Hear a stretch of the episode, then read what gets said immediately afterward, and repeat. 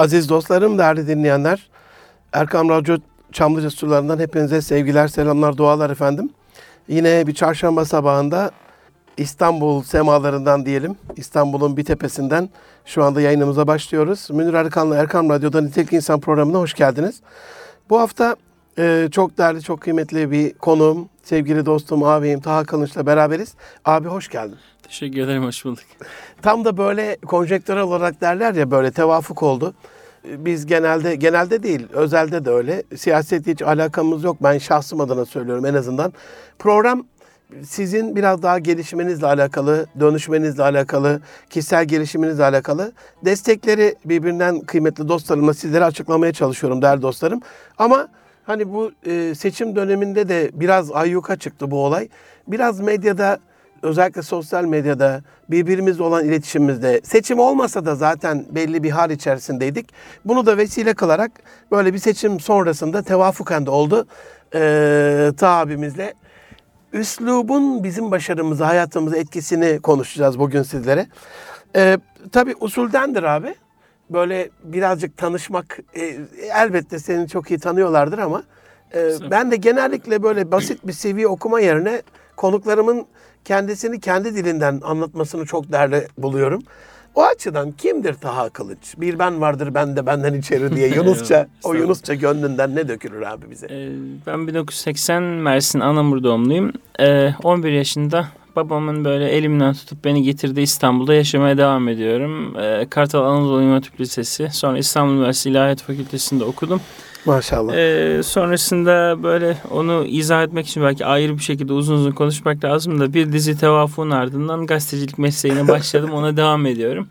Kader o olsa gerek değil mi abi? Öyle, bir dizi tevafuk oldu, kader. Öyle oldu. Ondan Eyvallah. sonra işte bir yurt dışı tecrübeleri yaşandı böyle bir e, süre. E, Amerika oldu, Arap dünyasında bazı ülkeler oldu. Bu arada Katar'da El Cezire televizyonda staj oldu. Bu arada bazı kitaplar yayınlandı. İşte bazıları seyahat türünde kitaplardı. Bazıları Orta Doğu ile ilgili kitaplardı. İşte arada bir iki tane çocuk kitabı falan geldi derken böyle. Ee, kısaca isimlerini verelim ama işte kırmadan incitmeden. Evet Aşina kitaptan zaten e, o Eyvallah. da. Ondan sonra... e, Neyi anlattın abi burada? Onu da kısaca Orada yani şey var abi. O aslında kitabın ismi de onu ifade ediyor biraz. kesinlikle. Yani Müslümanlar olarak Efendimiz Aleyhisselatü Vesselam'ın söylediği bir şey var. Birbirimize görevimiz olarak nasihat. Yani hem nasihati iki türlü e, anlıyoruz. Hem bir taraftan bizim Türkçe'de bildiğimiz anlamıyla nasihat. İkinci olarak da kelimenin samimiyet manasını alırsak Eyvallah. Müslümanın birbirine karşı e, Rabbine karşı, Din nasihattir dine karşı, şeyinden değil mi? Aynen din nasihatleri zaten alimler iki türlü anlamışlar. Ya e, Müslümanların birbirine nasihat etmesi ya da samimi olması Samimi ki ikisi de olması. birbirine getirir zaten. Eyvallah. E, kitabı enteresan bir hikayesi var. Benim e, sosyal medyada yaptığım bazı paylaşımlar vardı. Yani böyle hasbelkader önce kendime sonra diğer Müslüman kardeşlerime hatırlatmalar kabilinden. İşte Aşina kitap e, gene e, malum e, Altınok e, dergisi çevresinin bir yayını, gençlik yayını. Eyvallah. E, onlar e, dediler ki abi bu e, paylaşımları bir kitap haline getirelim mi? Ben de yani böyle bir şey gerek var mı diye düşündüm. Sonradan arkadaşlar teşvik ettiler sağ olsunlar. Hamdolsun böyle bir şey e, meydana gelmiş oldu. Abi sosyal medya derken sosyal medyadan çekildin diye biliyorum en son. Yani şey ufak tefek orada burada paylaştığım şeyleri bir araya getirmiş olduk. Ondan sonra Eyvallah. e, sonra Kudüs yazıları geldi gene Aşina'dan. Hı hı. Ondan sonra gene Aşina'dan en son Seyri Sefer Seyri çıktı. Sefer. 10 ülkeye seyahat notları var. Maşallah. İşte daha önceki yıllarda böyle birkaç kitap yayınlanmış. İşte Şam'la ilgili bir kitap var. Evet. Orta Doğu'dan notlar var. İşte gene çocuklarla ilgili bir Hayat-ı Sahabe'yi uyarladığımız bir kitap var diye böyle birkaç şey var. 365 günde peygamberimiz Allah razı olsun. Kalemine Allah yüreğine olsun, sağlık. Sonrasında El Cezire'yi söylemiştin. Sonra Türkiye'ye geldiğinde Evet e, işte o sırada zaten Arap Baharı patlak vermiş 2011'in Ağustos Hı hı. ayında e, gel döndüğümüz zaman sonra işte e, bir ulusal e, gazetede başladım bir 5 yıl çalıştım orada orada dış haberler müdürlüğü falan yaptım. Sonra 2016'da e, Yeni Şafak gazetesinde şu anda hala devam ettim. Haftanın iki günü işte İslam dünyasının genel ahvaliyle ilgili pazartesi, e, cumartesi ve çarşamba günleri yazılar yazmaya Eyvallah. çalışıyorum. Şimdi bu sırada seyahatler devam ediyor. İşte asbelkader kitap çalışmaları falan var. Bakalım. Ensar'da bir çalışmamız oluyor. Evet onlar Genç- devam ediyor. gençlerle ilgili. Onlar hamdolsun. devam ediyor. Eyvallah. Allah razı olsun abi. Ee, bu tevafuklarla ilgili böyle hayatının kırılma noktası diyeceğin şey abi ne oldu sence? Yani en çok etkileyen seni Yani şöyle oluyor aslında biraz hikaye ilginç böyle geriye doğru gittiğimizde benim dedem e, babamın babası Allah 1930'ların rahmet sonunda amin 1930'ların sonunda İstanbul'da İstanbul'a gelmiş oradan Çanakkale tarafına geçmiş askerlik yapmak için. Hı hı. Sonra e, tabii İkinci Dünya Savaşı'nın tam başlangıç yılları gibi anlattığından bizim anladığımız e, te- askerlikten sonra şeye dönerken memleketine e, tabii Tekirdağ tarafından gelmiş İstanbul'a oradan motorla bu tarafa geçmiş e, haremde tam e, otobüse binecekken e, şimdi Marmara Üniversitesi Hukuk Fakültesi binaları oralar eski Haydarpaşa Lisesi'nin olduğu yerler e, öğrencilerin okuldan dağıldığını görmüş. Üzerlerinde üniformalar, kasketler. Tabii okumamış, yörük bir adam yani. Hani bir çoban yani. Hiçbir bir tahsili yok. E, sütunlardan bir tanesine sarılıp ağlamış. Ya biz neden okuyamadık, biz neden işte tahsil göremedik, biz niye cahil kaldık gibi. E, olay 1938-39'da oluyor. Babam 52 doğumlu. Benim babam 1970'lerin başında Haydarpaşa Lisesi'nden mezun oluyor. Dedem takmış o kafaya. Tabii e, aslında kırılmanın temelinde bu var gibi görüyorum. Çünkü ben 11 yaşında Anadolu Lisesi sınavına girdiğim zaman babam dedi ki oğlum İstanbul'a gideceksin. Niye diye bir şey yok. Çünkü benim babam da İstanbul'da okumuş. Lise, üniversiteyi. E, büyük amcalarım burada okumuş. dede nasıl bir ilim aşkıyla ağladıysa o Evet, sütuna sarılıp ilginç. Valla çok ilginç yani. Sonra yıllar sonra geçen sene e, o okulda ben Kudüs'le ilgili bir konuşma yaptım. Böyle ha- hayat hakikaten çok duygusal olmalı abi ya.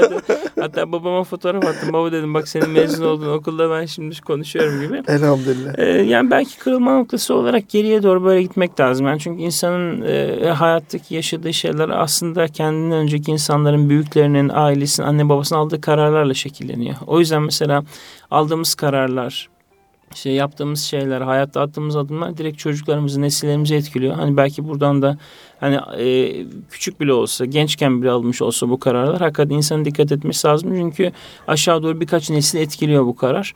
Olumluysa olumlu yönde, yani olumsuzsa olumsuz yönde. Bu anlamda da yani kırılma noktasını birinci olarak böyle ifade edebilirim. İkincisi Abi e, çok küçük parantez açabilir miyim? İkinciyi ama unutmayacaksan. Evet.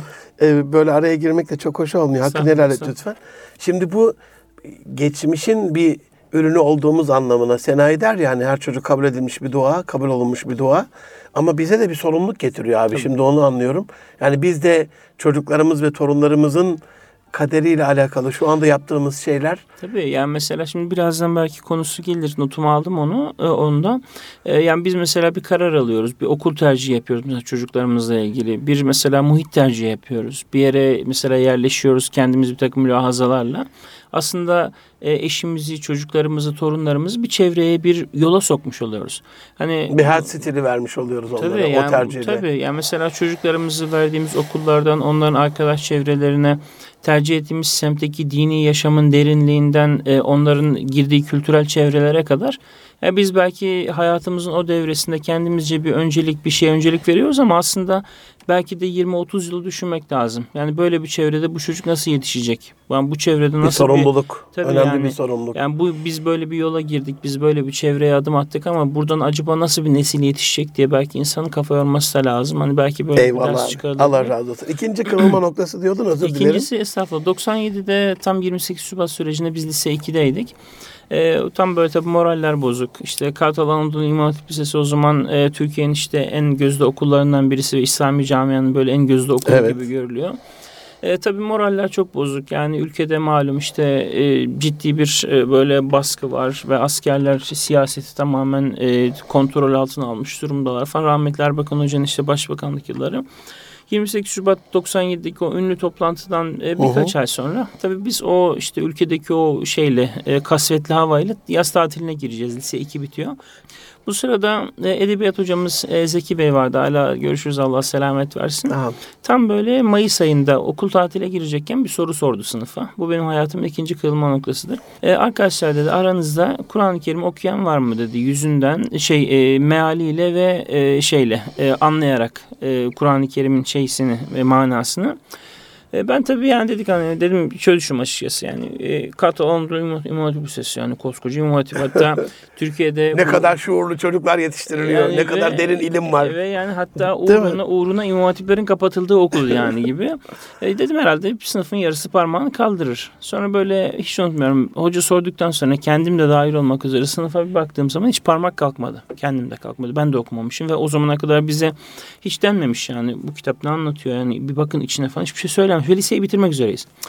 Ondan sonra ben o yaz ilk defa Kur'an-ı Kerim böyle başından sonuna kadar mealinden okudum. Süper. Yani ilk defa. Yani ve Süper, bunu süper. biz, bize söyleyen kişi e, Süper. bir meslek hocası, bir Kur'an hocası, bir tefsir siyer hocası falan değil, bir edebiyat hocası oldu. Ve hala hakikaten minnetle anarım yani bir vesile olmuş oldu. Ondan sonra ben o yaz dedim ki ben ilahiyata gideceğim. Kendi kendime daha böyle imam önünü kapatılmamış daha böyle bir şeyler söyleniyor ama Oo. daha resmi bir karar yok.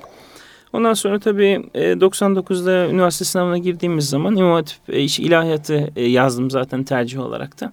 Ondan sonra zaten o zamana kadar e, gelen e, şeylerde e, olan biten e, serüvende zaten önümüze başka kapıda bırakmamışlardı malum o dönem. Hamdolsun o da bir, ikinci bir kırılma noktası oldu. Abi yine bir parantez kurban olayım ne olur hakkını helal et. Hani hep e, din kültürü ahlak dersi ya da meslek dersi hocalarından beklenir ya böyle. Yani bir edebiyat hocası fen edebiyata değil ilahiyata gitmene vesile oluyor. Böyle edebiyatçıların şeyleri vardır böyle üzerimizde tesirleri. Evet. Ben sevmediğini biliyorum ama sevmemene rağmen izin hakkımı kullanıyorum abi. Ee, program benim olduğu için bana da aziz dostlarım hani Kur'an-ı Kerim'i sevdiren e, kişilerden bir tanesidir. Belki ilk üç kişiden bir tanesidir Taha abi. Allah bin kere razı olsun. Ee, hani derslerine katıldıktan sonra o soruyu ben de kendime sorup kaldı ki biz sarfı, naivi, emsili, binayı, tecvidi, maksudu işte şeyleri Arapça olarak her şeyleri yapıp ama o mahallenden hakikaten bu kitap bize ne diyorum ee, anlamamıza vesile olan e, dostumdur. Üçüncü bir kırılma noktası var mı abi? Yani üçüncü kırılma noktası olarak da belki şu dönemi, şu son zamanları söyleyebilirim abi. Çünkü yani şu kısacık hayatımda şimdi ben 38 yaşındayım. Maşallah. Ee, ilk dönemde tabii insan ben insan hayatını böyle birkaç aşamaya ayırıyorum. Yani ilk dönem diyorum işte belki 15-20 yaşına kadar çok ne yaptığımızı bilmediğimiz bir dönem. Lay lay lom geçiyor böyle. Tabii ya işte Evet. insan çocukluk, ergenlik falan Evet, derken evet. ilk zamanlar. Sonrasında tabii yavaş yavaş bir şeye adım atıyorsunuz. Meslek anlamda bir şeyler belirginleşmeye başlıyor. Ondan sonra da zaten artık hayatınız bir yola girip devam ediyor. E, son aşama hani şu geldiğimiz hani belki bunu bir uzun bir döneme yayılan bir kırılma olarak görmek lazım. Yani özellikle şu anda e, iktidarda olmanın ya da iktidar nimetlerine ulaşıyor olmanın bize getirdiği rahatlıkları nasıl kullandığımız sorusu. Benim zihnimi böyle bayağıdır meşgul eden bir şey bu. Yani biz Müslümanlar olarak e, benim lise çağlarımda bizden önceki nesillerin tabii daha uzun bir dönem hayatlarında e, hep böyle bir şey vardı. Yani biz bu ülkenin ezilen e, işte korlanan dışlanan insanlarıyız. Bir hedef vardı. O hedef işte Müslümanların bir gün güçlenmesi, ciddi anlamda bir imkan elde etmesi falan filandı. Şimdi birçok öğrenci yurtlarında, birçok işte vakıflarda, derneklerde, üniversitelerde, farklı yerlerde böyle konuşmalar yapıyorum. Eyvallah. eyvallah. E, ve hepsinde e, birçok böyle e, kurumun e, yöneticisi, müdürü ya da eğitim danışmanları falan da onlarla da istişare ediyoruz. Herkesin sorduğu soru e, bütün bu imkanlar evet geldi. Yani arıyorduk, bulduk. Yani artık elimizde her şey var. Ve herkesin ortak endişesi şu. Biz nesillerimizi, o eski nesillerimize eski aşkı nasıl vereceğiz? Yani bu mesela... o ruhu nasıl kazandıracağız değil mi abi? Yani- Eyvallah. O ruhu nasıl kazandıracağız? Biz işte 70'lerde, 80'lerde, 90'larda bizi teşvik eden, bizi böyle meselelere odaklayan o aşkı çocuklara nasıl vereceğiz sorusu belki üçüncü kırılma olarak zikredilebilir. Çünkü O sorgulamanın sonucunda neye ulaştın abi? Yani Ne sorgu- tavsiye ediyorsun? O kadar da hani Yani programlara gidiyorsun, konuşuyorsun. Şöyle şimdi ben mesela gençlerle konuşurken de arkadaşlarla böyle e, şey yaparken de ben mesela e, çok uzun bir zamandır yani özellikle son 4-5 yıldır falan diyebilirim konuşmalarımı çok kısa tutuyorum artık. Konuş. Yani mesela eskiden ben kendi çocukluğumu hatırlıyorum. Mesela konuşmacılar gelirdi. 2-3 saat konuşurdu mesela. 2-3 saat böyle dinlerdik. Bazen uyurduk bazen sıkılırdık ama giderdi. Ama şimdi bakıyorum yani tabii teknolojinin etkisi, telefonların etkisi, işte herkesin cebinde işte dünya var falan. Bu anlamda e, artık insanlar özellikle genç nesiller e, vaaza böyle hani yukarıdan böyle söylenen nasihata doymuş diye gözlemliyorum. Şimdi geçen e, isim vermeyeyim bir yerde e, işte uzun bir yolculuktan sonra konuşma yapmak için gittim. E, birazdan konuşacağız inşallah. Vakte riayet konusu çok titizlendiğim bir şey olduğu için de Eyvallah. e, böyle çok da vakitte şey, dikkatle başlamadı falan. Ondan sonra baktım çocuklar görüyorum yani kürsüden sıkılıyorlar. Birkaç hikaye anlattım. Ondan sonra bir iki böyle anekdot bir şeyler hatırlattım. Zihnimde yani bunları söylemeliyim dediğim her şeyi söyledikten sonra yaklaşık bir 20 dakika falan konuşmuşum en fazla. Yani 20 dakika ki benden önceki sonuç konuşmaları bile daha uzun sürdü. Yani daha böyle uzun uzun. Ondan sonra indikten sonra işte çocuklarla sohbet, muhabbet falan böyle işte şeyi fark ediyorsunuz. Yani bugün mesela özellikle genç nesillerde o var. Ee, böyle hayatta işte yukarıdan söylenen dersler değil. Yani kollarına girip kendilerini anladığımızı hissettiren üsluplar etkili oluyor. Öbür taraftan yani insanlarla ilgili şu anda mesela iletişim kurarken e, hakikaten böyle mesela şeyler var. Ya işte bizim zamanımızda bu imkanlar yoktu. Biz üstü a, işte akan okullarda okurduk falan filan. Bunlar yeni nesiller için bir şey ifade etmiyor. Çünkü çocuklar onları hiç görmediler. Yani görmedikleri bir şeyi canlandıramadıkları için hiç yaşamadıkları bir şeyden bahsetmek onlar için böyle bir ütopya gibi oluyor. Yani belki bu anlamda hani konuşan kişilerin hasbel kadar gençlere hitap eden kişilerin de belki üsluplarını biraz belki hani ortama göre ayarlamaları iyi olabilir. Yani etkili olması açısından. Allah Benim razı olsun. Hasbel kadar gözlemlerim bu şekilde. Eyvallah çok teşekkür ederim. Abi buradan yavaş yavaş girizgahı da biz uzun tuttuk böyle elhamdülillah. Şeye geçersek hani bugünkü konumuz e, ben bu nitelikli insanda geçen sene abi insanın başarısına ne engel olur? Onları aktarmaya çalıştım böyle kıymetli dostlarımla. Bu yılda ne destek olur size? Onları anlatıyorum. Hani üslup bunlardan bir tanesi gibi geldi. Sence başarı nedir abi? Yani kişisel olarak Taha Kılınç'ın başarısı nasıl tanımlıyorsun kişisel başarını? Yani başarı nedir? Başarı Allah'ın rızasına uyacak iş yapmaktır. Yani çünkü bugün mesela baktığımız zaman hani dünyevi ölçülere göre başarı sonuç elde etmek olarak görünür. Evet. Ama sonuç elde etmek her zaman şart değildir. Yani dünya tarihinde e, nice peygamberler gelip geçmiştir ki bir tane bile ümmeti olmamıştır. Yani Evet. kendilerine kimse inanmamıştır. Yani şimdi diyebilir miyiz ki bunlar başarısızdı? Değil. Yani şimdi Hazreti Nuh örneği önümüzde. Yani tebliğ ediyor 950 sene. Sadece 950 sene tebliği sürüyor Kur'an-ı Kerim'in ifadesine göre. E kendi öz oğlu ve öz karısı kendisine kazan kaldırıyor. Şimdi diyebilir miyiz ki başarısızdı? O yüzden e, başarısız ifadesini belki hani günümüz normlarında işte şu somut sonucu elde etmek falan gibi değil de e, doğru yolda yürümek olarak belki ifade etmek lazım. Yani yolda doğru yürüdüğümüz zaman zaten hesabımızı vereceğimiz zaman Rabbimize Rabbimizin hep söylendiği ve belki çok söylendiği için artık klişe olarak değerlendirildiği gibi yani zafer değil sefer nihayetinde biz yolda Amenna. olmak yani Amenna. doğru yolda olmak Amen. yolda doğru yürümek ve mesela Fatiha suresinde çok güzel bir ifade vardır hep tekrarladığımız bizi kendilerine nimet verdiklerinin yoluna ilet diyoruz. Yani nimet verdiklerine değil. Yani kişilerle değil çünkü bizim işimiz. Yani bazen doğru yolda insanlar eğri yürüyebilir. Doğru yolun hakkını veremeyebilir ama yol doğru oldukça, insan yürüdükçe o yolun sonu dünyevi ölçülere göre işte bataklığa sürüklense de, dünyevi ölçülere göre sonu zindanda ya da farklı şekillerde yalnızlıkla, hezimetle vesaire falan bitse de nihayetinde bizim yapacağımız şey nedir? O doğru yolda yürümek. Tabii Rabbimizin e, hikmetleri sonsuz. Yani Kur'an-ı Kerim'in ifade ettiği gibi nice peygamberler var. Kendisine kimse inanmamış. Nice peygamberler var. İşte Hazreti Yunus'ta olduğu gibi. Ya bu iş olmayacak deyip çekildikten sonra bir imtihanla geri döndükten sonra Kur'an-ı Kerim diyor ki 100 bin kişi ve daha fazlası inandı. 100 bin kişi yani şimdi düşünsenize yani ve daha fazlası bilmiyoruz ne kadar olduğunu. O yüzden e, bu anlamda da hani yürürken hani ne gelirse bahtımıza yani lütfu da hoş kahrı da hoş diye bakarak yürümek lazım. Eyvallah. Yani Rabbimizden de çabalarımızı. rıza ilahi o yolda çaba ve doğru yolda olmak adına kişiselde böyle. Tabii. Peki abi gençlerle uğraşan, onlara böyle abilik, rehberlik yapan e, senin için yani neyi yaparsan, neyi başarırsan kendine başarılı addedersin. Bu genel tanımda böyle Hı hı. ama Şimdi- hani kişisel gününe bakarsak, Evet. çalışmana Ee, hı hı bakarsak. Yani tabii şöyle bir şey oluyor. Mesela çok farklı sorunlar yani bazen kişisel problemler, bazen dini problemler, bazen inançla ilgili sorular mesela son dönemde çok böyle muhatap olduğum şeyler. Yani e, kişisel olarak benim gördüğüm hani başarılı belki addedilebilecek özellikle gençlerle ilgilenen insan açısından bir gence e, kendisini anladığını ve kendisine dilediği zaman başvurabileceğini hissettirdiğimizde belki bu başarının başlangıcı olabilir. Eyvallah. Yani çünkü e, insanların şu anda benim gördüğüm en büyük e, sıkıntılarından bir tanesi bu anlamda yalnızlık, anlaşılamamak. Yani belli dini grupların içerisinde bulunan insanlar için bu biraz daha kolay. Yani orada bile bazen çoğu defa hiyerarşik bir takım böyle engeller çıkabiliyor.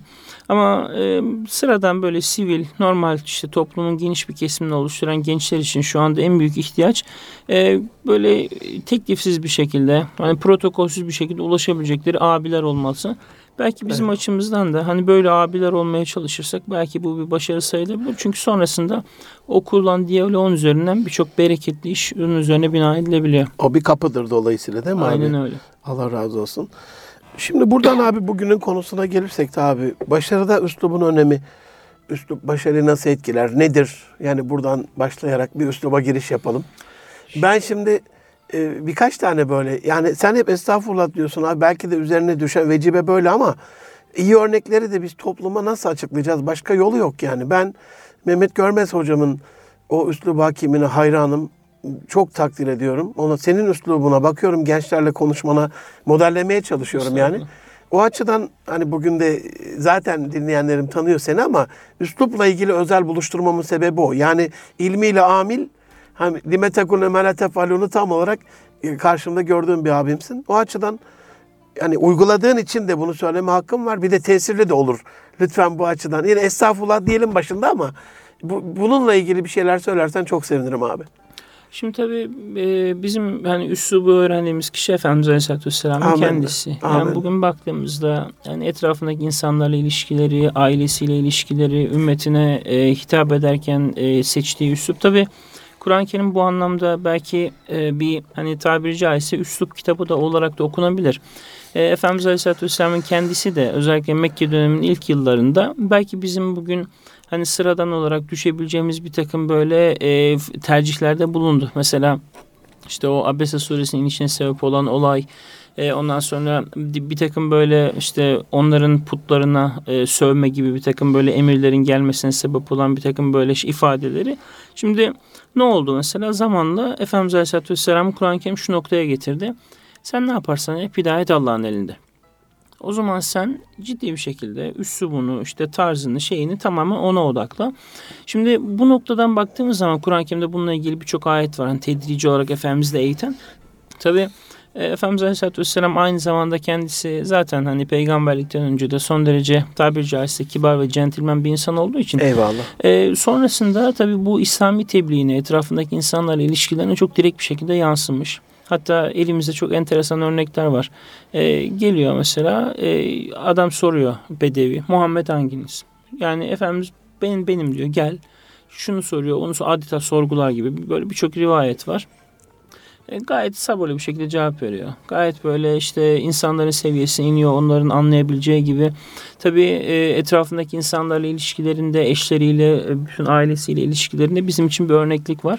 Tabii günümüzde tabii sünnet dediğimiz zaman belki daha çok şekli şeyleri anlıyoruz. Yani e, hani onlar da sünnet olmakla beraber ilk akla gelen şeyler işte sakal olabiliyor, işte sarık olabiliyor falan ya da bir takım böyle e, şekli şeyler olabiliyor. Bunlar sünnet ama sünnetin bir de hani karakteri, ruhu var. Yani insanın bugün mesela baktığımızda şekli olarak sünnete çok dikkat edip e, kaba saba tavırlar gösteren insanlar incitiyor insan. Neden? Çünkü e, kuşun bir kanadı kırık tabiri Normalden caizse. iki kat da incitiyor abi bir de E, hani. tabii o da var. hani yani, çünkü o kıyafetten hiç çünkü- beklemediğin için. Tabii. Yani sen mesela şöyle güzel sakal bırakmış bir Müslümanın ağzından, onun tavrından, hareketlerinden hakikaten insan dediğiniz gibi farklı bir şey bekliyor. Yıllar önce bir şey yaşadım. Çok beni etkiler o. Ee, bir tane camide e, çocuklar koşturmaya başladılar. E, bir tane yaşlı adam öbür yaşlı adama dedi ki şunları kov. Yani çok ilginç bir şey. O sonra o adam yani kendisine kov denen adam böyle uzun sakallı yaşlıca bir amca şey dedi çok çarpıcı. Ben dedi şimdi bunları kovayım da çocuğun aklından aklında yaşlı bir adam beni camiden kovdu diye mi kalsın dedi. Ya, Müthiş. Yani o hakikaten ya, böyle bakınca yani hayatımızın her alanında yani e, baktığımız zaman dikkat etmemiz gereken uzun bir silsile var. Tabii e, üslubumuz ne kadar içten olursa, ne kadar e, hani Allah için hasbi olursa e, o kadar etkili olur diye düşünüyorum Allah'ın izniyle. Kur'an-ı Kerim'de çok güzel bir ayet var Fatır, Fatır suresinde. Bismillah. İleyhi yes'adul kelimut tayyib vel amelus salihu yerfa'uh Kur'an-ı Kerim.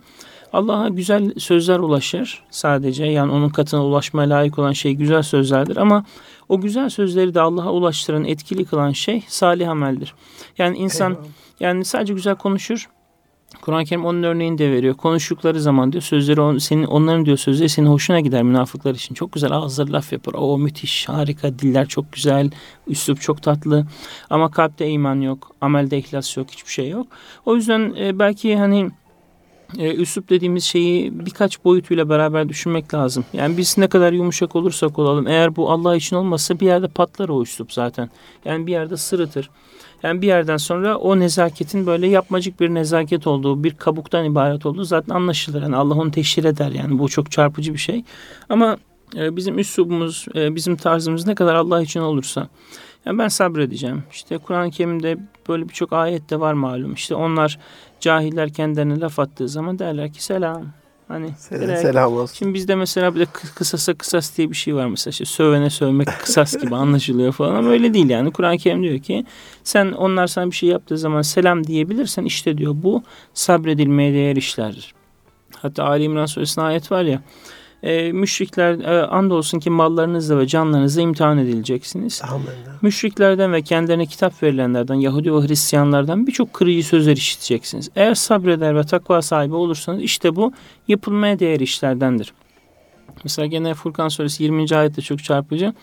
Biz diyor sizi birbiriniz için sınama konusu yaptık. Bakalım sabredecek misiniz? Yani bu çok ilginç bir ayettir o. Yani e, Biri geliyor kaşıyor ama gönderen var yani Evet, değil mi tabii, abi? Tabii yani mesela sokakta Gönderen var. ayağımıza basan birisini düşünün. Trafikte karşımıza önümüze kıran Eyvallah. birini düşünelim. Yani ailemizde kaba saba konuşan birisi olur. Etrafımız, iş arkadaşlarımız her türlü. Yani bütün bunlar konusunda ne kadar böyle zoru başarırsak yani sabredip hakikaten dikkatli Eyvallah. olabilirsek etkisi de Abi yine olacak. araya girme hakkımı kullanıyorum. Aziz dostlarım, değerli dinleyenler, e, Erkam Radyo'da Münir Erkan Nitelik İnsan programı devam ediyor. 2018'in 26. programındayız. Bu haftaki konuğum çok kıymetli sevgili dostum, ağabeyim Taha Kılınç. E, Üslubun başarıdaki e, önemini e, açıklıyorduk. En son üslupla ilgili bir şey açıklarken benim de aklıma bir seminerdeki bir anekdotum geldi. Onu da sizlere anlatmış olayım. Bir- Birkaç sene önceydi böyle hatırlarsınız. Şemsiyeli bir yolcu YTT otobüs şoförünün kafasına şemsiyeyle vurdu.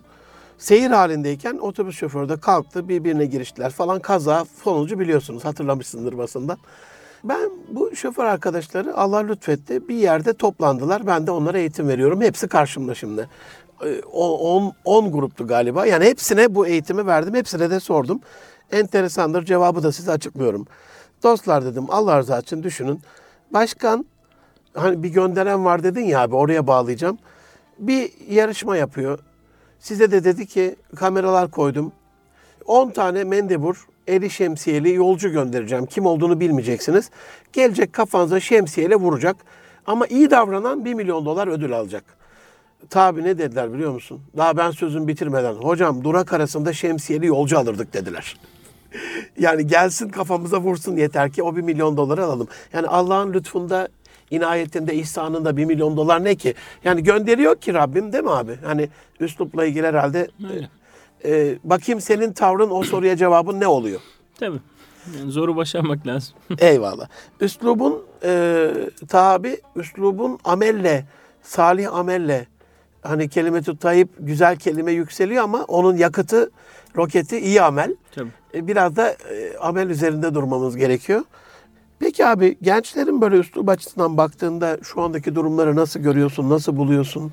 Ya tabii şimdi e, belki ilk bölümde konuştuğumuz şeyle de ilgi, ilişkilendirmek lazım. Şimdi gençler rahat bir ortamda büyüyorlar şu anda. Yani hamdolsun şu anda elhamdülillah İslam dünya, ülkesi dünyasının en rahat ülkesiyiz her yönden. Elhamdülillah. Yani özgürlükler yönünden, e, maddi imkanlar yönünden, yani işte istikrar e, ülkedeki işte genel hava yönünden. İlim açısından abi en başta o yani rahmetli hani dedeniz e, eğer burada okumayacaksa, gitmek zorundaysa, dönmek zorundaysa ilimle ilgili şans sıfırdı. Tabii. Şimdi bir köyde bile internet bağlantın Her varsa türlü. Harvard'dan bir eğitim alabiliyorsun Her yani. türlü. Tabii burada soru yani bütün bu imkanlarla hani daha önce konuştuk ya ne kadar değerlendirebiliyoruz? Şimdi biraz ondan da bahsedeceğim. İnsanoğlunun fıtratı zorlanmadan iş yapmıyor. Yani böyle bir şey var. Yani rahatlığı mesela bazen oluyor. Çok rahat ettirelim çocukları. Bu çocuklar üretsin olmuyor. Mutlaka belli konularda kısıtlama. Yani anne babalar için de böyle. Şimdi benim iki tane kızım var. Allah bağışlasın. Şimdi Allah razı olsun. Rabbim Bakıyorum- hayırlı günlere büyüsün. Amin hepimizinkini inşallah. Şimdi bakıyorum mesela fıtratlarına. Ne Maşallah. kadar onlara istediklerini verip ne kadar böyle e, önlerine imkan sererseniz o kadar tembelleşiyor. Ama ne kadar engelleyip ne kadar böyle kısıtlarsanız imkan olduğu halde elhamdülillah ama yavrum bu bugün olmayacak. Bu hayır. Bu, bunu yapacağız dediğimizde fıtrat ona göre şekilleniyor. E şimdi baktığımız zaman tabii çocukların şu anda gençlerin de e, gerek hayata karşı bakışları gerek hedefleri birazdan da ondan bahsedeceğim. Yani genel anlamda böyle bir temel bir sorun olarak belki amaçsızlıkları bu rahatlıklarla ilişkili. Hı hı. E, tabii bu ister istemez üsluplarına, tarzlarına, e, hayata karşı duruşlarına yansıyor. E, gene biz büyüklerine görev düşüyor. Yani kırmadan, incitmeden, onlara böyle sevdirerek, hakikaten bıktırmadan, e, çok fazla belki önlerine imkansız hedefler koymadan. E, şimdi dini eğitimde benim özellikle dikkat ettiğim bir şey var. Gençlerin önüne ne kadar böyle güzel örnek adı altında ne kadar ütopik şeyler koyarsanız hayatına o kadar kopuyorlar. Ya mesela e, eskiden yaşanmış, hakikaten de yaşanmış. Ama belki şu anda şimdiki şartlarda tekrarlanması çok zor olan bazı örnekleri onların önüne koyduğunuzda çocuk belki sizi saygıyla dinliyor. Ama sonra diyor ki e ne yapayım yani? Bunu bu çok yani O o zamanmış değil mi? Tabii o o zamanmış. Yani. Şimdi mümkün değil gibi. Belki bu anlamda örnekleri de güncellemek lazım. Yani onların önüne mesela e, Efendimiz Aleyhisselatü Vesselam'ın hayatından, büyüklerin hayatından uygulanabilir, sürdürülebilir, güncel. Yani ben bunları önemsiyorum böyle malzeme anlamında. Mesela biz işte Bedir Savaşı'nı, Uhud Savaşı'nı, Hendek Savaşı'nı diğer şeyleri anlatıyoruz. Sanki böyle tarihte kalmış bir şey gibi. Ama bütün olayların hepsinin farklı şartlarda, farklı zamanlarda kendi içinde tekrarlanabilir bir özü de var. Yani Amenna. mantığı olarak, şeyi olarak. Amenna. O yüzden belki bu anlamda hani üslup açısından gençlerle hem konuşurken hem de onlara böyle bir şeyleri anlatırken de e, birazdan da bahsedeceğim. E, vakti riayet konusunda, disiplin konusunda, onlara amaç verme konusunda gençler aslında büyüklerine bakıyorlar. Ve çoğu defa e, bir şey söylemek gerekmiyor. Siz yaptığınızda yani siz onlara örnek olduğunuzda e, çok fazla bir laf etmenize gerek yok. Onları öğretiyorsunuz ama e, bol laf eder de uygulamada sizde de bir şey yoksa o zaman tabii gençler bu çelişkiyi yakalıyorlar ve kendileri de vazgeçiyorlar. Eyvallah. Abi şimdi daha çok gençlerle uğraşan bir dostumsun. Yani illa programlarla ilgili değil. Yani belli bir hedef kitlen var. Yazıyorsun, ondan sonra konuşuyorsun, görüyorsun. Baktığın zaman bu, bu gençlere sonuçta onlara abilik yapmak gerekiyor. Ee, iyi davranışlarla renk olmak gerekiyor. Uygulanabilir, kolay sürdürülebilir bir şeyle. Küçük küçük dilimlerle, küçük lokmalarla. Bunlar amenna ama üç tane böyle sence en önemli sorun ne desem? İlk üçe ne söylersin? Ee, ilk üç özellikle şu anda yani işte bu konuşmayı yaptığımız zaman dilimi içerisinde mesela birincisi amaçsızlık görüyorum ben. Yani çocuklarda bir somut amaç yok. Yani bugünü kurtaralım. İşte e, Konuşuyorsun değil mi abi onlarla? Yani bir e, tabii. hedefin var mı? Yani mesela kardeşim? hedefi var aslında gibi. Hani konuşunca evet şunu yapacak ama ona nasıl ulaşacağı konusunda kafası darmadağın. Yani bir şey yapacak e, işte bakıyorsunuz böyle çok fazla e, hani hakikaten işte belki birkaç amaç var bazen. Aslında birkaç amaç ya da imkansız amaçlar da amaçsızlık bir yönden. Yani baktığınız zaman insanın kendi fıtratına birazdan da bahsedeceğim. E, kendisini tanımadan yola çıkıp kendisini bir olmayacak bir şey yolunda heba etmesi bir amaçsızlık nihayetinde pratikte.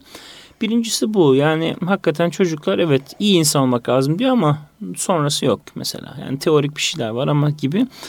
E, ikincisi disiplinsizlik var. Yani benim gördüğüm. Yani mesela şu anda maalesef işte sosyal medya, teknolojik imkanlar bunu ister istemez besliyor. Yani bakıyorsunuz çocuk mesela bir Twitter'da 5-6 saatini geçiriyor. 5-6 saatte belki 2-3 tane kitap okuyacak yani. Ya da böyle odaklanacak bir şey yapacak, çalışacak. Ama ne yapıyor? Orada burada. İşte vaktini farklı, yerlerde heba ediyor. Orada burada geçiriyor. Arkadaş ortamları, belki uzun uzun böyle akşam oturmaları, işte evlenmeden önce de oluyor bu. Evlendikten sonra da o da tabii yani bir yerden sonra o hayat devam ediyor. Ben mesela çok görüyorum yani işte e, anne babalar e, işte çocuklarla ilgileniyor kendince bir şeyler yapıyor ama bakıyorsunuz böyle e, baba evde eve geç vakit geliyor. Niye? Çünkü dışarıda arkadaşlarla sohbette falan. Ama evde kendi aslında ilk önce çocukların sohbete ihtiyacı var gibi. Tabii Eyvallah. bu disiplinsizlik ister istemez sirayet ediyor. Abi çok özür dilerim ne olur. Bu araya girme hakkımın en önemlisini kullanıyorum. Ümmeti Muhammed'in en büyük sorunlarından bir tanesi Taha abi. Sayısız gruplara üyeyiz.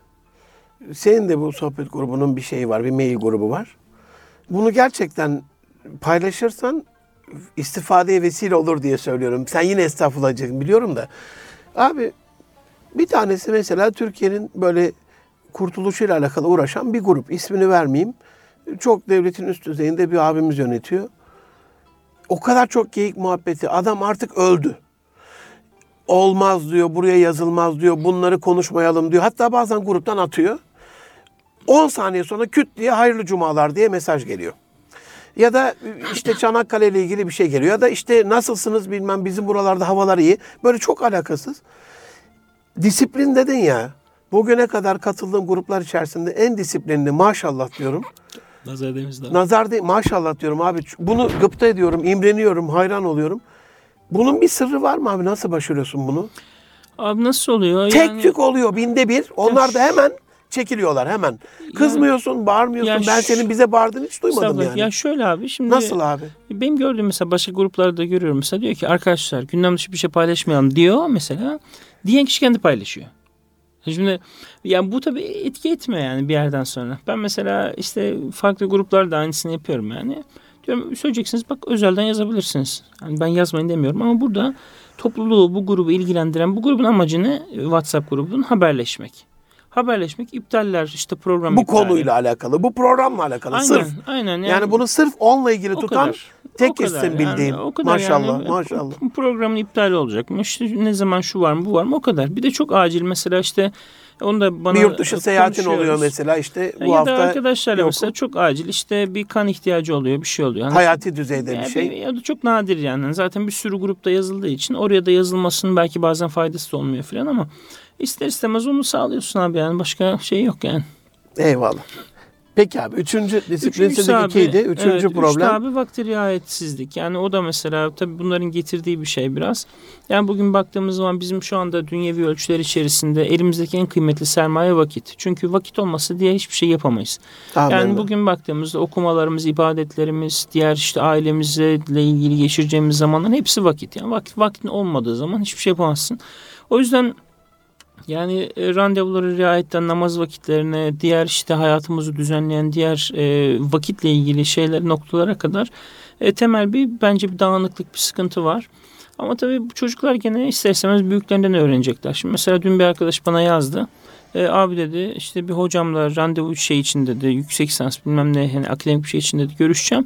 7 saattir dedi kapısına bekliyorum. 7 saat. Şimdi 5 dakika beklet, 10 dakika beklet, hadi bir saat beklet. 7 saat nasıl bekletiyorsun? Yani çocuk da hani güvendiğim bir arkadaş. Bu konuda yalan söyleyecek birisi değil.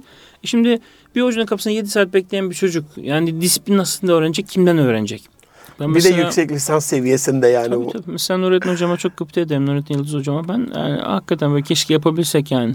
Vakit böyle vakit nakit direkt böyle. Hani söyledi vakit. Bir dakika gecikirse almaz. Çok güzel. Müthiş. Eyvallah. Ve herkes onu bildiği için de dikkat eder. Ya bu yapacak bir şey yok yani. Merdivende Çünkü, kalmışlığım vardır benim de. hayır yani çünkü belki dışarıdan bakana ya öyle şey olur mu diyor ama olur yani olmak zorunda. Yani Evet. şimdi bugün baktığımızda mesela birisine gidiyorsunuz. Size söylenen vakte yetişmek için evinizden çıkıyorsunuz. Bir saat önce, iki saat önce. Aynen. Bazen daha erken trafiğe kalmayan falan diye. E şimdi yapacağınız görüşme zaten yarım saat. E şimdi e, o yarım saatlik görüşme gidişi gelişle 3-4 saate mal oluyor. E bir de gidip orada beklediğinizde şimdi silsile halinde beklediğinizde başkalarının programına kayacak bir sürü sıkıntı yani ona gerek yok. Bir de her şeyden önce kul hakkı zaten. Kulak. Öyle öyle Aynen. görmek lazım. Tabii. Eyvallah. Amaçsızlık dedik abi. Disiplinsizlik ve vakte riayetsizlik. riayetsizlik. Peki sence bu gençlerimize abi destek olabilecek, onların böyle dünya ahiretlerini mamur edecek e, üç başarı desteği gibi tahabilerine ne tavsiye edersin onlara? Abi şimdi birinci birinci şöyle bir şey var. Şimdi ben bütün arkadaşlara diyorum ki mesela bazen bana böyle mesajlar geldiği zaman işte hayata dair şunu yapacağım, yapamıyorum, Hı şunu yapacağım, edeceğim falan filan gibi. Ya da bazen mesela şeyler de oluyor. Gençler geliyorlar abi biz gazete çıkaracağız. Biz işte dergi çıkaracağız falan. Ben şimdi tabii kendim de zamanında böyle şeylerle uğraştım işte lisede, üniversitede. Olabilecek şeyleri biliyorum, olamayacak şeyleri biliyorum. Çünkü hem içindeyim medya olarak, basın olarak hem de yani işin bir de doğası var ama çocuk bilmiyor. 16, 17, 18 yaşında neyse. Ben e, birçok arkadaşa işte seminerlerde falan da bu dersi yani e, şeyi öğüdü vermeye çalışıyorum. Şimdi e, Allah hepimizi farklı bir amaç için yaratmış. Ortak amacımız kulluk ama bir de e, içinde yaşadığımız şartlar, fıtratımız, işte geldiğimiz arka plan, işte e, memleketimiz vesaire falan filan hepsinin oluşturduğu bir de bir beklenti var. Mesela Allah Taha kılınca 1980'in işte Eylül ayında Mersin'i bir ailenin içerisine yaratarak sonra 11 yaşında İstanbul'a işte gelmesini sağlayarak sonrasında burada hayatını devam ettirerek bir şey bekliyor. Ben böyle bakıyorum yani. Peki bu ne? Bu o kadar temel bir soru ki. Yani ben şimdi tesadüfen yaratılmadığıma göre, ezelden tabiri caizse aradan kaçmadığıma göre benim bu zamanda, bu şartlarda İstanbul'da şu anda bulunmamın Allah katında bir yeri olmalı. Yani benden bir şey bekliyor olmalı. Nedir bu? Bu çok temel bir soru diye düşünüyorum. Bugün mesela biz gençlere eğer böyle teker teker bu anlamda kendilerine düşünmelerini, fıtratlarına dönmelerini sağlayabilirsek mesela e, birçok arkadaşa tavsiye ediyorum. Bir tefekkür edin şöyle kendiniz. Mesela yarım saat deyin ki mesela. Bir düşünün. E, geriye doğru nereden geldiniz? Ne yaptınız? Ne ettiniz? Ondan sonra e, Allah size ne verdi ne vermedi. Bir de şey bellidir mesela. Hayatta herkes bunu bilir. Bazı şeyler olmaz. Bazı şeyler kolay olur. Bazı şeyler böyle uğraşarak olur. Herkes bunu bilir. Mesela ben şimdi 38 yaşında geldiğim noktada e, hayatta Allah'ın bana vermek istemediği ya da böyle zorlandığı şey beni zorladığı yani zorlanmamı e, şey yapıp takdir edip ama vermediği şeyleri artık biliyorum. Çok rahat. Mesela şöyle bir metafor da var. Yani bu yani çok tabii öznel bir şey kendimle ilgili ama bunu hayatımda hep sağlamasını yapıyorum. Mesela bir kapının önüne geldim. Kapıya böyle dokunuyorum parmağımın ucuyla. Böyle kapı açıksa giriyorum. Ama kapı kapalıysa ve kapı hele de kilitliyse kapıyı omuzlayıp açmıyorum. Eyvallah. Ne zaman hayatta Eyvallah. kapıyı omuzlayıp açtıysam arkasından büyük bir kötü bir sürpriz çıktı. Ben şimdi bunu öğrendiğim için artık böyle süper, geliyorum mesela. Süper. Çünkü bu şey yani yaşadığım bir şey bu. İster mesela istemez. şöyle bir şey mi abi? Yani sen yüksek lisans tek şansın olsa, hayat hedefin olsa e, çok da istesen falan ama 7 saat bekletse durmazsın o kapıda. Ya şöyle yani şimdi mesela bazen olur işte bir şeyler ulaşmak için uğraşırsın ama mesela benim hayatım bu şimdi dinleyenler diyebilir ki ya ben uğraşırım takdir Allah'ındır gayret ederim ayrı bir şey. Ama benim kendi tecrübemde e, çok böyle uğraştım. Mesela Amerika'ya gitmek istedik. İşte 2009'da eşimle evlendiğimizde e, bana vize verdiler eşime vermediler. Ben gittim Amerika'ya. İşte bir sene yakın kaldım. İşte yüksek lisans, dil öğrenimi falan. Sonra işte ilk, ilk kızımız Meryem burada dünyaya geldi. Maşallah. Döndüm. Ondan sonra tekrar vizeye başvurduk. Tekrar vermediler. Şimdi ondan sonra fark ettim ki bu iş olmayacak. Yani zorlasan belki arkasında şey yapsan belki başka şeyler olacak ama tecrübemde tatsızlık Eyvallah. olacak. Yani Eyvallah. Adeta Eyvallah. diyor ki Rabbim yani sen dur orada. Yani dur. Bu başka bir şey dene. Ki mesela o, o sırada işte Katar'dan El Cezire'den teklif geldi biz vizeyi beklerken falan hayat başka bir yere doğru gitti. Benim anladığım o. Şimdi bu anlamda e, belki herkesin bir düşünmesi lazım. Yani benim hayatımda Allah benden ne istiyor? Bana nasıl muamele ediyor? Yani Birinin nasihatından da daha tesirli oluyor tabi, tabii değil mi o yani? yani çünkü Kendi herkesin, başına Rabbinle her, beraber. Herkesin serüveni başkadır. Yani evet. Allah herkese farklı muamele eder. Mesela günah işlediğimizde, tevbe ettiğimizde hangi aşamalardan geçeriz, ne yaparız, biz ne yaparsak bize nasıl karşılık verir, herkes ayrı davranır. O yüzden mesela insanın kendi kendisine inisiyatif ele alıp demesi lazım. Hayatımda benim evet şu var. Başkası nasihat edebilir ya bak işte Taha sen böyle yap diyebilir ama başkası dışarıdan gördüğü kadar ve kendi ölçüsüyle söyleyebilir. Bu anlamda evet. belki birinci şey bu. İkincisi abi. İkincisi e, ilk, ilk bölümde de ifade ettim. Ne destek ettim. olabilir evet, gençlere? Evet. E, birincisi bu tefekkür dedik. Hani bu anlamda kendilerini düşünmeleri dedik. İkincisi e, hayatta zorlanmalarına yardımcı olmak lazım. Yani biz böyle gençlerin işini çok kolaylaştırmaya çok güzel bir şey zannediyoruz. Evet elhamdülillah imkanlar çok. E, yurtlarımız işte artık yüzme havuzu yumatiplerimiz falan filan var ama yani şimdi çocuklara da biraz bazı yerin olmayacağını yani bazı şeylerin olamayacağını. Mesela çocuk soğukta abdest alabilir. Yani her şadırvanımız çok böyle sıcak su olmak zorunda değil. Cidden söylüyorum yani. Çünkü Eyvallah. insan o konfora alıştığında her yerde onu aramaya başlıyor. Bulamadığı yerlerde hırçınlaşıyor. Abi Mesela, çok özür dilerim. Ne olur kurban olayım. En son bir geçenlerde belediye ile bir proje şeyinde enteresan bir şey yaşadım. Fakir fukaraya güzel kıyafetler veriyorlar. Kullanılmış değil, yeni. Böyle bir sosyal marketleri var. Dedim ki abi bunu biraz tembelliğe alıştırıyor ya senin dediğin gibi. Canlandıralım. Ne yapalım dedi başkan. Mesela dedim oraya gelip kendine kaban alan bir öğrenci görme görmeyen vatandaşlar için de 10 sayfa bir kitap okusun. Ne dedi biliyor musun? Okumazlar hocam dedi. Biz onları 15 yıldır tembelle alıştırdık dedi. İşte, Almadan gider dedi onu. Fıtrat o tabii. Tam da bunu onu okuyacağını almaz. Şimdi mesela ben dedim ya kendi çocuklarımda da görüyorum. Diğer mesela imam hatiplere konuşuyorum ben üniversitelere falan birçok yerde. Şimdi bakıyorsunuz böyle şu anda her şey hazır geliyor. Güzel işte elhamdülillah imkanlar var her şey oluyor falan. E bu sefer de diyorsun ki mesela şu şu konuda zorlan. Ya o zaman zorlanacağım onu yapmam diyor mesela işte. Sen hemen, verdiğin örnekte hemen, hemen. tabii tabii. Çünkü fıtrat insan fıtratı öyledir abi. Zorlanmaya meyyeldir. Mesela e, hep işte söylenir. Mesela Allah'ın e, peygamberlerine mesela işte e, şey yaptığı takdir buyurduğu hayatlara bakalım. Hep zor hayatlar. Zor hep hayatlar. sıkıntılı hayatlar. Yani e, büyük insanlara bakalım önümüzden yürüyen güzel insanların hepsinin hayatında Çünkü karakter e, şekillendiriyor tabii, değil mi abi? tabii. Şimdi mesela Bilal Habeşi'nin üzerine konan o kayalar kendisinin karakterini de şekillendirdi aynı zamanda. Hayat böyle.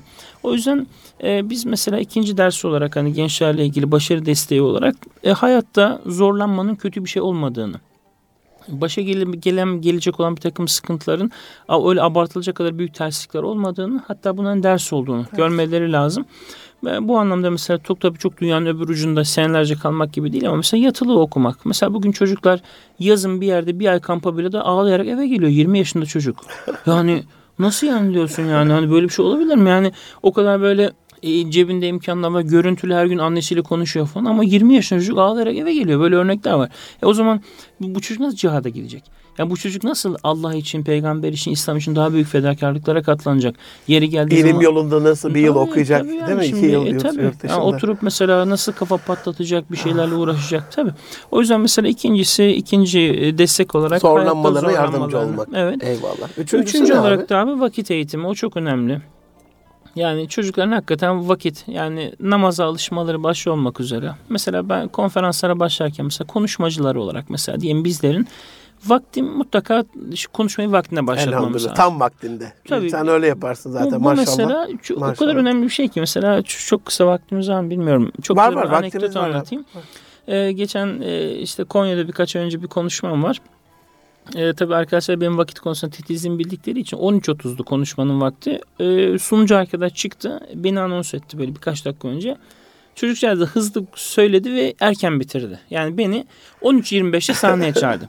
Sonra 13.25'te çıktım böyle sahneye. Ondan sonra böyle durdum böyle karşılarında. Böyle 5 dakika bakıştık. Ve şaka yapıyorum zannettiler. Ya dedim e, 13.35'te başlamak nasıl sözünde durmamaksa 13.25'te başlamak da sözünde durmak. Biz 13.30 diye anons ettik mi ettik. O zaman dedim bekleyeceğiz.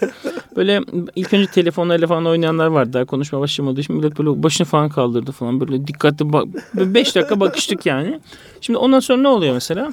Artık e, dikkatli bir şekilde. Mesela e, hocalar bunu görüyor. Belki o e, ders alan çocuklar kendileri ders halkalarında başka yerlerde bunu yaygınlaştırıyorlar. Böyle.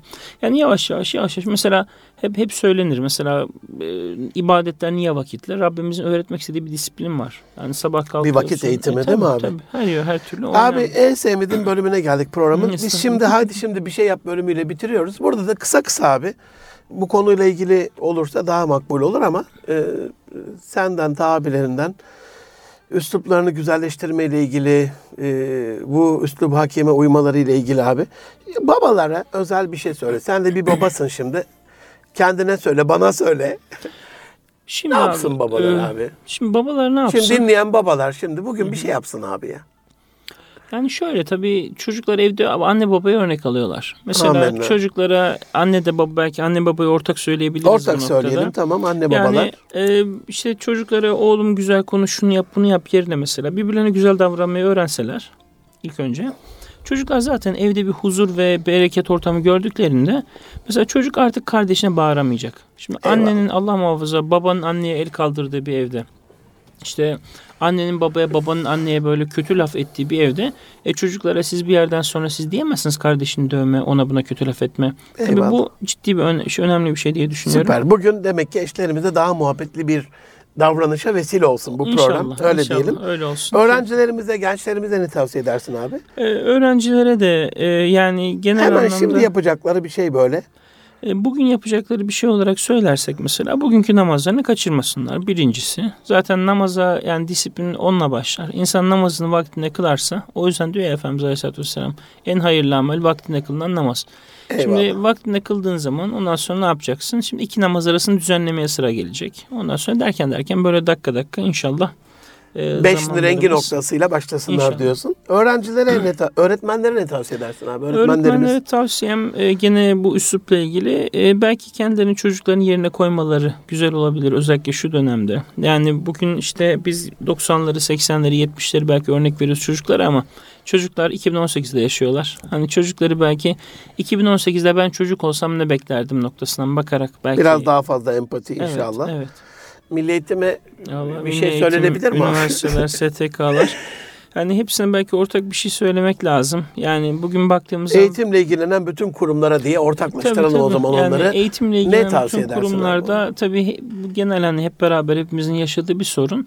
Ee, hep beraber belki düşündüğümüz zaman e, yani genel anlamda e, eğitimle ilgili belki zihinlerimizin net bir hedefin olması lazım. Bu da birinci olarak belki e, hani kişileri şekillendirip belli bir kalıba sokmak değil de yani insanlara kendilerini ger- gerçekleştirme fırsatı vererek belki o e, hani büyük otobanın dış çizgilerini sadece çizmek. Eyvallah. Yani kendi içerisinde böyle o şerit değiştirmelere müsaade etmek belki. Çünkü Kur'an-ı Kerim'de ilginç bir kullanım var. Bunu söyleyerek bitireyim.